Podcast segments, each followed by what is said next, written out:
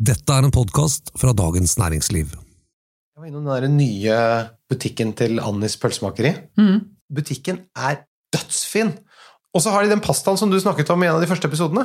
Ah, Cipriani. Ja! Åh, verdens beste tørka pasta. Hei og velkommen, kjære lytter. God høstferie til deg som har det denne uken eller neste, og god høst til deg som ikke har ferie, men allikevel setter pris på høsten. Og god høstferie til deg, Merete. Skal du ha noe eh, ferie, forresten? Eh, skal da, faktisk. Vet du, når vi har sånn barn som går i barneskolen, så føler jeg ikke at jeg har samvittighet til å sende dem på SFO. Så det blir um, en tur på fjellet. Ja. nettopp. Så, men du har samvittighet til å ta fri fra jobben. Eh, ja. I dag så har vi nemlig vår faste spesialepisode, nemlig lytterspørsmål, der vi svarer på spørsmål fra lytterne. Og det er veldig mange gode spørsmål med dette. Mm. Vi har da plukket ut noen spørsmål som går igjen, og som vi syns er ekstra artige, både for oss og som vi tror at dere lyttere kan ha glede av. Og husk, viner som nevnes i dag, de står i episodeinfoen, så da slipper du som vanlig å notere. Er det ikke bare å kjøre i gang, da? Jo, absolutt. Første spørsmål fra Håkon, og det handler om dåp. Mm. Tidligere i år ble jeg pappa for første gang, og ønsker å gå til innkjøp av en vin fra samme årgang, 2021, som kan lagres til poden har fått smaken på vin, slik at vi kan nyte den sammen ved en høytidelig anledning om 20-30 år. Skjønner at det kanskje er litt tidlig å gi konkrete tips for en 2021-årgang, men er det mulig å gi tips til kjøp av årgangsviner til dette formålet?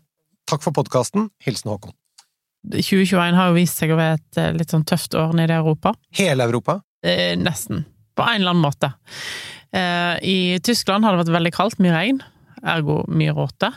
Eh, I Sør-Italia har det vært kjempevarmt, opptil 50 grader på Sicilia. Og så har det vært mye frost, en del hagl. Så det har vært litt sånn Det er litt vanskelig å si. Det blir mest sannsynlig en i hvert fall kjølig, klassisk årgang i de store vinddistriktene, sånn som det ser ut. Med da unntak av Sør... Eh, ja, med kanskje Cecilia har litt høyere alkohol i år enn de pleier vanligvis ha. Og champagne, for eksempel, blir jo veldig liten produksjon av både frost og eh, sykdomspress i vinmarken. Da blir prisene høyere. Særlig hvis det blir en bra årgang. Jeg snakket med tyske vinprodusenter, de sleit som bare det. For det første så er det jo hele vinområdet som har forsvunnet i en eller annen flaum eh, i sommer, eh, som ar. Eh, men òg produsenter som sa at eh, de jobber døgnet rundt for å klare å holde sykdomspresset i vinmarken nede av at det har vært veldig kaldt i sommer og ganske mye regn. Så sånn som det ser ut til nå, så er det liksom det er liksom vanskelig å si. Det er ingen som står i Burgund og klapper i hendene og sier 'dette blir tidenes årgang'. Så jeg må liksom bare se. Det eneste en kan se som har kommet med 2021, er jo den sørligere halvkule, som Argentina, Chile, Australia kan en se begynner å komme med 2021. Men det er kanskje ikke så noe du har lyst til å samle på nett ennå. Det er aldri et år som er dårlig over hele kloden. Så jeg ville vente og sett hva som, som kommer til å smake best. Så poenget er at eh, garantert er det noe som kommer til å bli veldig godt. Mm. Eh, om det så er en produsent som unntaksvis gjør noe smart, eller Mm. hva det måtte være. Men sjansen for at det kommer til å bli ganske dyrt, er stor, da. Ja. Og dette er ikke noe vi kommer til å få merke før disse vinene begynner å lanseres, og det kommer til å ta noen år. Ja. Når kommer for eksempel Burgund til å lansere Nei, det er jo liksom om tre år cirka, da. Ja. Men champagne, for eksempel, er jo kanskje om ti år. Vi har jo begge to unger som er født i 2013, og 2013-årgangen er på vei ut på markedet nå. Men det tar sikkert fem-seks år før den siste 2013-årgangen kommer på markedet. Ja. Hvis du skal da kjøpe til ditt barn, så kan du begynne å kjøpe liksom De første som kommer på markedet, er kanskje tysk Riesling. Kan du kjøpe litt av året, så kjøper du litt neste år som kanskje er Burgund, og så kan du begynne å kjøpe Bordeaux, og så, og så kan du kjøpe eh, Barolo Barbaresco, og så til slutt champagne. Sånn bygger du din 2021-årgang, Ja. for eksempel. Ja. Ok, Håkon, så da håper jeg du har fått litt flere perspektiver å ta med i betraktningen, men det korte svaret er vent og se. Ja, kunne bare sagt det.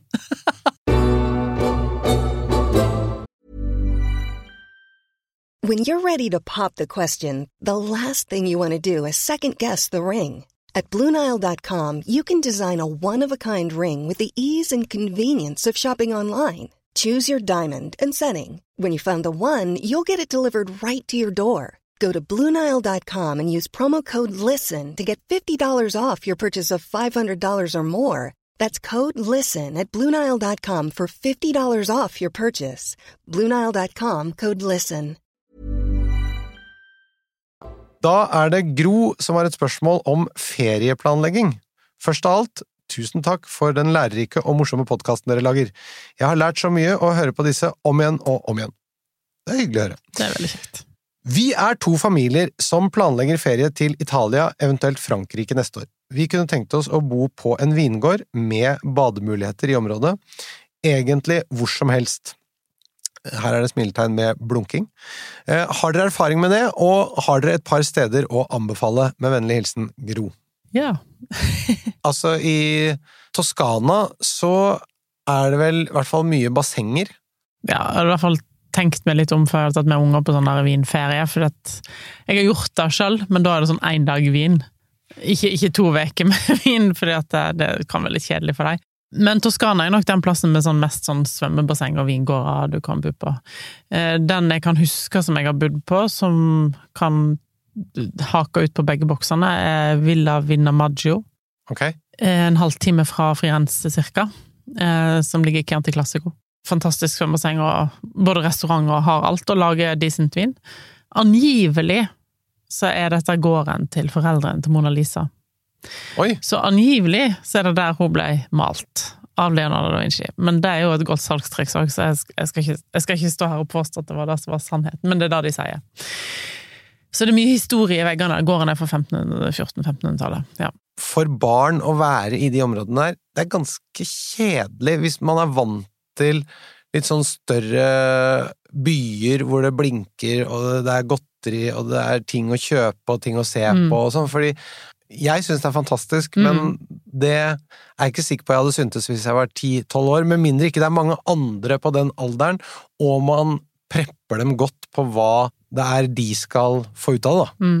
Ja, altså, jeg hadde med ungene på, på ferie til Italia i 2019.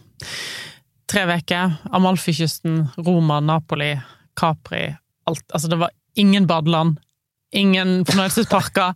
ingenting som helst. Eh, og min eh, sjuåring sier da at hun glemmer aldri den ferien. Det var helt fantastisk. Hun syntes det var fantastisk. Ja. Nettopp. Men jeg tror at du endrer eh, lokasjon ofte. Eh, men at de syntes at Roma var helt fantastisk. Og det hadde jeg ikke forventa helt. Det er ikke noe basseng i Roma, for å si det sånn. Så det det er fullt mulig, men jeg tror du må liksom At noe nytt skjer. Ofte nok. Og så må du ta dem med på restauranter som du liksom bare nå skal vi ete. Den første pizzaen Her ble den første pizzaen laget. vel. Altså, du forteller en historie rundt hvorfor du er der du er. Hvis en tenker Pimont òg, så er det masse fine hotell der, som ligger midt i vinmarken, med svømmebasseng og alt. Du trenger ikke akkurat bo på en vingård. Nei. Og så kan du besøke vingårdene rundt omkring. Ja, Og både Pimonte og Toskana så bør det være greit. Det er verre å komme inn på de store, kjente slottene i Bordeaux, for eksempel. Ja, skal en reise til Bordeaux, så vil jeg absolutt ha bodd i, i Saint-Emilion, eller rett utenfor Saint-Emilion, som er en fantastisk liten landsby. Eh, og jeg må bare legge til én Det er ikke basseng der, men det er verdens kuleste hotell. Eh, og det ligger i Monforte di Alba. Casa del Seraca. Der har jeg bodd. Har du bodd? Ja. Åh, sant det er kult? Det er dødskult! Ja, og da tenker jeg sånn, det er et hotell som, selv om det ikke har svømmebasseng, selv om det ikke har lekerom, ungene syns det er kjempespennende. Og det som er gøy der, er at der har de jo en bar, og så er det jo en sånn Du kan gå inn en sånn der kjellerkorridor bak. hele baren og, og se på alle vinene de har, og de har masse gamle viner der. Det er nesten sånn eh, som et eh, hotell i en eller annen Disney-film eller Tolkien-film. altså, det føles helt absurd ved det. Ja. Og så er det den der restauranten, hva er det het for noe igjen? Centro Storico. Nemlig! Den må man jo på. Ja. I Serra Lunga. Ja, men det er jo så kult sted. Ja. Helt, ikke noe fine dining, helt avslappa. ja. Veldig kult. Og så har de jo Piemonte-viner i alle prisklasser. Og, veldig mye god champagne. Ja, det har de også. ok, så eh, her er det mange muligheter. En del eh, innvendinger om eh, planlegging i forhold til barn herfra, noe som i denne podkasten egentlig ikke skal drive med. Men uh, vi kostet på oss å dosere litt om det likevel. Vi holder vel da en knapp først og fremst på Piemonte og Toskana. Særlig Toskana. Jeg tror det er det aller beste av de to. Sånn, nå må bikkja legge seg. Kom, sånn, gå og legg deg. Vi lager podkast, skjønner du. Stian her har to spørsmål. God dagen, Merete og Thomas. Jeg har to spørsmål. Det er en kjent sak at petnat og oransjevin er de unge hipsternes favoritt. Litt fordomsfull har jeg smakt ulike produsenter av begge, og synes petnat kommer særdeles dårlig ut. For mye saft! Tre utropstegn. Mens oransjevin har vært en aha-opplevelse. Tre utropstegn igjen. Anbefal noen gode oransjeviner! Ett utropstegn. Uh, uh, jeg må gå litt på produsent, da. Ja. Uh, jeg syns nok uh, for eksempel Koss på, uh, i, på Sicilia lager ganske gode eksemplarer av oransjevin. Uh, ja. Du sa produsenter. Produsent R. Må tenke meg om. Camillo Donati uh, fra Italia. Som holder til hvor? Emilia Romagna, Ja. tror jeg. han lager gode, gode oransjeviner. Ja. Nå er det sikkert mange jeg ikke kommer på i sånn i farten, men uh, Men du fikk beskjed om å anbefale noen gode oransjeviner, og det har du gjort. Ja. Ok, Stian, da håper jeg du er fornøyd med det. Så kommer spørsmål nummer to fra Stian, og det er armensk vin. Jeg har en årrekke hørt at Armenia har noen av verdens beste viner. Om dette stemmer, gi meg de beste tipsene fra polet. Ja, altså, armensk vin har jeg litt mer koll på, føler jeg. Der har jeg vært. Det fins vel bare, meg bekjent, én produsent på norske markedet for Armenia, og den heter Sora. Soraha. og de lager òg ganske sånn naturvinaktig på leirkrukker på høgslettene i Armenia, som, av armenske druer, hovedsakelig areni, som er den viktigste rødvinsdruen der. Når du står på hans eiendom, så ser du rett bort på Areni One Cave. Det er regnet som det eldste vineriet i verden, som er 6100 år gammelt. Der kan du gå inni og se på 6000 år gamle amfora, leirkrukker, som ligger fortsatt i jordet. Du ser 6000 år gamle druesteiner. Altså, alt er så godt ivaretatt, og det er en Altså, det er 4000 år før Pompeii. Altså, det føles, det føles så absurd å være der at jeg, det er kanskje noe av det største jeg har opplevd sånn yrkesmessig. Ja. Yes, kult. Og jeg vil si at de, han er absolutt verdt å teste ut. Jeg syns hans viner er helt fantastiske. Ok, Stian, det var anbefalinger både av oransjeviner og av armensk vin. Eh, bare en liten rettelse. Du skrev du hadde to spørsmål. Det var feil, du hadde to kommandoer. men de er nå levert på. Ok, så er det Vidar. Eh, han har spørsmål om lagring. Stor glede av å høre på dere. Kunnskapsnivået til dere begge er imponerende. Respekt. Når det beskrives ingen lagringsvin, hva menes med dette i tid? Tre til seks måneder, tolv måneder, og hvor lenge kan en rosévin lagre? Med vennlig hilsen Vidar. Jeg tenker all vin kan ligge i tolv måneder. Ja. Uansett. ja. Herunder da rosévin. Altså, en enkel rosévin fra Provence, da, blir jo ikke bedre etter tolv måneder. Man kan fint ligge i tolv måneder, men eh, altså, ikke sett den ute i solsteiken i tolv måneder. Da Under greie slash gode lagringsforhold. Ja. Men du kan fint ha en vin i kjøleskapet i den perioden, Ja, ja, ja. så det er ikke noe problem. Men du vil ikke ha den for varm. Nei. Heller for kald enn for varm. Ja, mye heller. Det er jo det som er så fint det er den årstiden vi nå går inn i. Både jeg og deg har jo en sånn liten vinkjeller bak i bilen. Helt riktig.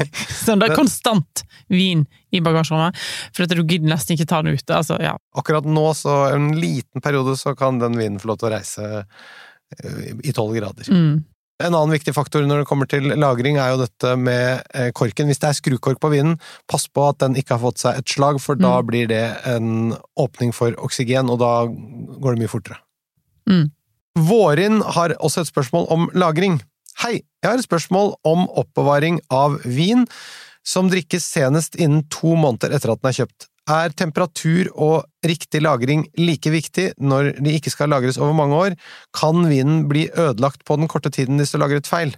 Takk for fin podkast. Hilsen Våren. Da må vi bare få litt mer presisering av det vi akkurat snakket om. Mm, to måneder skal godt gjøres å ødelegge en vin på, men selvfølgelig, setter du han i 60-70 grader i bilen, så blir han fort eh, litt kokt i toppen. Men 60-70 grader i bilen, det blir det blir jo da. Gjør det det? Ja. Altså, du kjører ikke Tesla, du. Jeg kan jo sjekke om temperaturen i bilen på appen. Kan ikke den bilen stå og flakse med de måkevingedørene og få lufta litt, da? Her kommer enda et spørsmål om lagring, denne gangen fra Marit. Hei, tusen takk for supergod pod om vin. Jeg har akkurat startet å høre på, og har akkurat blitt bitt av basillen for vin. Det er hyggelig. Så nå har jeg kjøpt noen flasker som skal lagres, og i den forbindelse har jeg et spørsmål. Hva er den enkleste måten å holde orden på hva du har lagret? Er det en app? Skriver dere ned i en bok? Har dere lapper? Eh, takk for svar, gleder meg til å lære mer. Hilsen Marit. Hva sier du? For meg eh, er det en app. Da tror jeg det er for deg òg. Det er det for meg. Hvilken bruker du? Celletracker? Nei, hva heter det? Jo, Celletracker, ja. Det som er fint da, er at hvis du har en samboer eller som òg har lyst til å se hva som er i vinkjelleren, eller har kontroll, eh, så kan det ha ja, samme innlogging.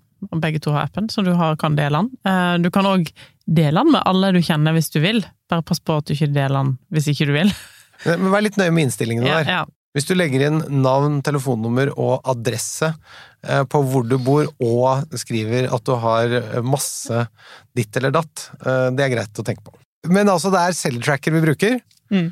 Som jeg må si er veldig bra. Mm. Den har masse fine funksjoner. Eh, Den er i utgangspunktet gratis, men du betaler bare det du har lyst til å bidra med, som jeg syns man skal gjøre. Jeg betaler tror jeg 1600 kroner i året, for det, det er det jeg blir oppfordra til, men du må ikke. Men jeg, synes, jeg er livredd for at den skal forsvinne. Jeg er helt enig med deg. Og så er det også den funksjonen at når du da drikker en flaske, så kan du bare Du må huske å ta flaska ut. Helt riktig. Så da kan du bare skanne den, og så tar du den ut av systemet. Mm. Og du kan også printe sånne små etiketter og sånne Hva heter det for noe? Sånne koder. Ja, det har jeg aldri prøvd. Ja, det funker. Du kan printe ut ditt eget vinkart, Det kan du også som er gjøre. litt kult, når du har fått litt. Og du kan også sortere på når du bør drikke den vinen, når den er kjøpt, øh, og hva den kostet, og verdien, som er sånn Mm. markedsmessig anslått verdi osv. Så, videre. så den har masse bra funksjoner. Selgertracker. Men litt treig. Det må vi Litt kunne si. Men så må jo reklamere litt for eget produkt her òg, da. Som ikke kan konkurrere med Seller Tracker, syns jeg, men for dette det er liksom en kjellerfunksjon. Men vi har jo en sånn Du kan lage, lage dine egne lister inni vindatabasen til Dagens Næringsliv nå. Ja, Men kan du da si, lagre også hva du har? Ja, da kan du lage en liste over det du har, på en måte. Ja, topp. Eh, så, og du kan lage eksempel lister. 'Dette har jeg på hytta, dette har jeg hjemme', dette har jeg. Jeg lurer på også om de snakket om at den Vinify, som da Hegnar Media Mm, er med å lage, også skal vurdere å lage en sånn funksjon. mm. Eh, Som da vurderer å lage en sånn kjellerfunksjon. Så, Men enn så lenge så er det vel Cellertracker som er det beste. Absolutt. Oddmund har et spørsmål om dyre burgundere. Hei! Hva Han skriver på nynorsk, så jeg leser da på nynorsk. Det er bra. Eh, hei, hva er grunnen til at folk kjøper en 90-91 poeng burgund til 2000-3000 kroner, når du for eksempel får Hirsch Block 8 til 850 og 93 poeng? Kun på grunn av navn, eller er det høyere kvalitet? Med vennlig hilsen Oddmund. Bra spørsmål! Veldig bra spørsmål. Forbauser meg ofte at folk bruker 3000 kroner på en vin som er under paret, syns jeg, da. Fordi at den kommer fra en kjent produsent, eller fra en kjent vinmark, ofte helst. I den priskategorien her så er det ofte Grand Cru, men det er ikke sånn at en Grand Cru i Burgund er nødvendigvis bra. Selv om det er en Grand Cru og den koster mye penger. Det er vel kanskje der du kan gjøre mest bomkjøp i hele verden, vil jeg påstå. Men det er vel også noe med stilen, vinstilen, som man kanskje kunne tenke seg at eh, vet du hva, jeg liker den vinstilen. Det er en litt annen stil ofte Mm. på de som er laget i Burgund enn de som er laget i USA, og så er du villig til å betale litt mer for å få en vinstil som er sånn, selv om den er 90-91 poeng, enn du vil betale for en som er 93 poeng, en litt annen vinstil. Så det Mm. kan være personlig Personlig smak. Ja. Eh, dyr personlig smak, men eh, ja. Eh, Og så kan det være snobberi, og at man ønsker å liksom ha en, en statusvin. Men eh, det det jeg skulle si, var at eh, enn så lenge så har ikke California fått samme status som Burgund, og det skal vel kanskje litt til òg, men de er ikke så langt unna. Hirsch er en fantastisk vingård i California, så det er egentlig ingen grunn til at det Egentlig så burde den, helt ærlig, vært, dårlig, vært mye dyrere enn 800 kroner, når du ser hvor den kommer ifra. Og jeg må ærlig innrømme, jeg skulle gjerne gitt blindt en vin til 2000-3000 kroner, som da har fått 90 poeng, og mot da blindt en Hirsch, som er nevnt her, hos en som vanligvis da bare kjøper Burgund, og spurt hva vedkommende foretrakk. Mm, definitivt. Ok, Da er det spørsmål fra Hans. Han ber om råd til en treretters. Som ivrig lytter av flere podkaster om vin, begynner man å få et visst grep. Mann, det antar jeg da er Hans i dette tilfellet. Men å sette sammen en god vinmeny til en treretter er ikke lett. Håper dere kan komme med noen tips som fins på de fleste pol. Menyen er enkel. Laksetartar med mango og avokadosalsa til forrett. Helgrillet indrefilet av okse med hasselbakkpoteter og kantarell og rødvinssaus. Og til dessert tilslørte bondepiker. Hilsen Hans. Ja, Det første jeg pleier alltid å spørre om dette, kan jeg jo ikke spørre om nå, men det er sånn, hva vil du betale for vinen? Fordi at eh, det er litt sånn vanskelig å Noen har, har Alle har, uansett om du er milliardær eller ikke, har en makspris oppi hodet sitt. Vi kan jo legge føringer for drue og område. Ja, altså Dette er jo en ganske fin meny, sånn sett at det er ganske enkelt å sette vin til land. Eh, Laksetatar, Riesling. Og kanskje med litt restsødme hvis den mangoen er veldig moden, Ja. eller? Uten tvil. Så her vil jeg gått for en fine herb. Du trenger ikke ha en kjempedyr Riesling her. Kartøyserhoff sin Bruno Riesling med 12 gram sukker. Den har jeg nevnt mange ganger før. Koster 170 kroner. Eh, strålende vin. Så hvis du går for en feinherb her, så kan du også koste på deg bitte lite grann chili i den laksetartaren hans, hvis du har lyst til det. Absolutt. Og litt lime og koriander og sånn, hvis du vil. Nemlig. Så er det helgrillet indrefilet av okse med hasselbakkpoteter og kantarell rødvinsaus. Her er det jo så mye du kan velge mellom. Eh, eh, moden Bordeaux er jo en klassisk kombinasjon. Eh, Du, du har jo nevnt noen sånne veldig gode kjøp eh, fra Bordeaux. Blant annet så er det kommet eh, en Bordeaux fra 2001 som heter Hot de Beausejour. Supermoden. 283 kroner. Den er på noe som idiotisk som heter tilleggsutvalget. Det betyr at polet ditt er nødt til å enig i at du skal ta den inn. Altså, de tar den inn i hyllene sine på ditt lokale pol. Dette er såpass godt kjøp at jeg tror de fleste pol ville ha den i hyllene, og nå er det vel en tjuetalls pol som har den inne. Nå har jeg nettopp skrevet om den, så ting kan jo bevege seg litt fortere enn det en ønsker, kanskje, men eh, det er et veldig godt og modent kjøp. Og hvis en har lyst til å smake moden vin, som passer bedre til mat, syns jeg, enn fersk vin, så er jo dette eh, en gyllen mulighet, da. Så hovedsakelig så vil du lete i Bordeaux her. Du kan gå til Rioja, men jeg ville gjerne hatt litt sånn moden karakter på vinen. Men du har vel ikke noen Rioja-produsent som du vil anbefale som er moden, og som Jeg kan, nå har jeg lyst til å snakke? Jeg prøver å unngå å snakke om eh, lobsterier. Har du Få se på den tatoveringen der. Er det, hva, er det, hva er det står der? I love Men det er en unik vin, og jeg er Ja, så men dette har vi hørt! Det er greit, vi tar den inn på lista. Ja. Ok. Og så, så- så Bordeaux, Rioja og du vet hvem, kjære lytter, og andre områder. Weinert òg en produsent som jeg er veldig glad i, som Ja. ligger i Mendoza. Som har en som heter Carascal, som er tilgjengelig på veldig mange pol rundt omkring i Norge. Her har du flere alternativer til hovedretten din, og så er det dessert tilslørte bondepiker. Det må jeg bare si. Veldig kul dessert. Veldig kul dessert. Ja. Det er så godt, og så er det Så lett å glemme midt oppi alt hvor man skal på en måte være cutting edge på det ene og det andre. Men for en klassiker, den er verdt å feire. Nå skal jeg si noe som er litt sånn, men det er jo en dessert en kan leke litt med, da. En kan leke litt med tilsørte bondepike. En kan leke litt. En kan dekonstruere det. Ja. og en Jo, men en ting er hvordan du setter sammen retten, men hvis du tenker på de bestanddelene som er viktige i forhold til vinen, så er det jo at det er litt fett i kremen, og så er det en eller annen form for sødmegrad som du kan justere litt på selv, og så er det syrenivå som du også kan justere litt på selv, i forhold til om du tilsetter sitron, eller om hva slags modning eplene har, osv. Jeg syns det er godt med syre i dessertene vi ikke får så litt mindre krem, og litt mer syre er jeg glad i, da. Og så er det litt eh, crunch og kanskje litt eh, smør inni Ja. bildet der, og litt nøtter og sånn. Den passer til masse forskjellig dessertvin. Eh, jeg ville kanskje gått i retning mot den med edelråte. Sautern kan passe, men jeg syns kanskje det blir litt for rikt, så da jeg ville jeg ville reist til Østerrike, til Neusiedler C. Og til Rust, eh, en produsent som heter Heidi Schrøck, som lager et bredt spekter av dessertvin. Hennes toppvin heter Roster Ausbruch, og den er kjempesøt. Og så kom han i magnumflaske på gamle Vikapolet. Lå til 1000 kroner for en magnumflaske, og tenkte det var jo grisebillig. Så jeg endte opp med å kjøpe fire magnumflasker med. Den ligger i kjelleren fortsatt, da. Det, det, det skal være ganske stor fest for å bli Ja, jeg tenkte jo liksom på et eller annet tidspunkt at, eh, at eh, liksom du skal ha en stor fest der du Men det har ikke skjedd ennå. Nei. Hovedforskjellen, hvis vi skal bare si på en sautern og en sånn en, er kanskje litt mer syrenivå i hennes viner, Mm. og i tillegg ikke fatbruk. Hennes rimeligste er jo sånn 200-300 kroner for en halv flaske med Berenaz leser. Du, vet du hva, nå ser jeg vi har masse gode spørsmål igjen her. Vi rekker ikke alt i dag. Skal vi bare fortsette neste uke? Å, ja, selvfølgelig. Vi kan ikke gå glipp av alt dette her. Nei, men det er, det er mange bra spørsmål her, skjønner du. Mm, det er det. Ok, vi gjør det sånn.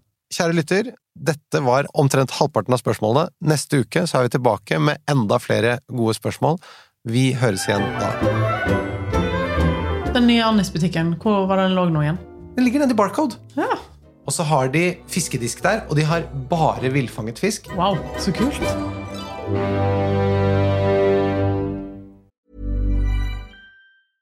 Ryan Reynolds here from Mint Mobile. With the price of just about everything going up during inflation, we thought we'd bring our prices down. So to help us, we brought in a reverse auctioneer, which is apparently a thing. Mint Mobile unlimited premium wireless. Ready to get 30, 30, bit to get 30, bit to get 20, 20, 20, bit to get 20, 20, bit to get 15, 15, 15, 15 just 15 bucks a month. So, Give it a try at mintmobile.com slash switch. $45 upfront for three months plus taxes and fees. Promo rate for new customers for limited time. Unlimited more than 40 gigabytes per month. Slows. Full terms at mintmobile.com. Hiring for your small business? If you're not looking for professionals on LinkedIn, you're looking in the wrong place. That's like looking for your car keys in a fish tank. LinkedIn helps you hire professionals you can't find anywhere else, even those who aren't actively searching for a new job but might be open to the perfect role. In a given month, over 70% of LinkedIn users don't even visit other leading job sites. So start looking in the right place. With LinkedIn, you can hire professionals like a professional. Post your free job on linkedin.com slash people today. Everyone knows therapy is great for solving problems, but getting therapy has its own problems too, like finding the right therapist, fitting into their schedule, and of course, the cost. Well, BetterHelp can solve those problems. It's totally online and built around your schedule. It's surprisingly affordable too. Connect with a credentialed therapist by phone, video, or online chat, all from the comfort of your home. Visit betterhelp.com to learn more and save 10% on your first month. That's BetterHelp, H E L P.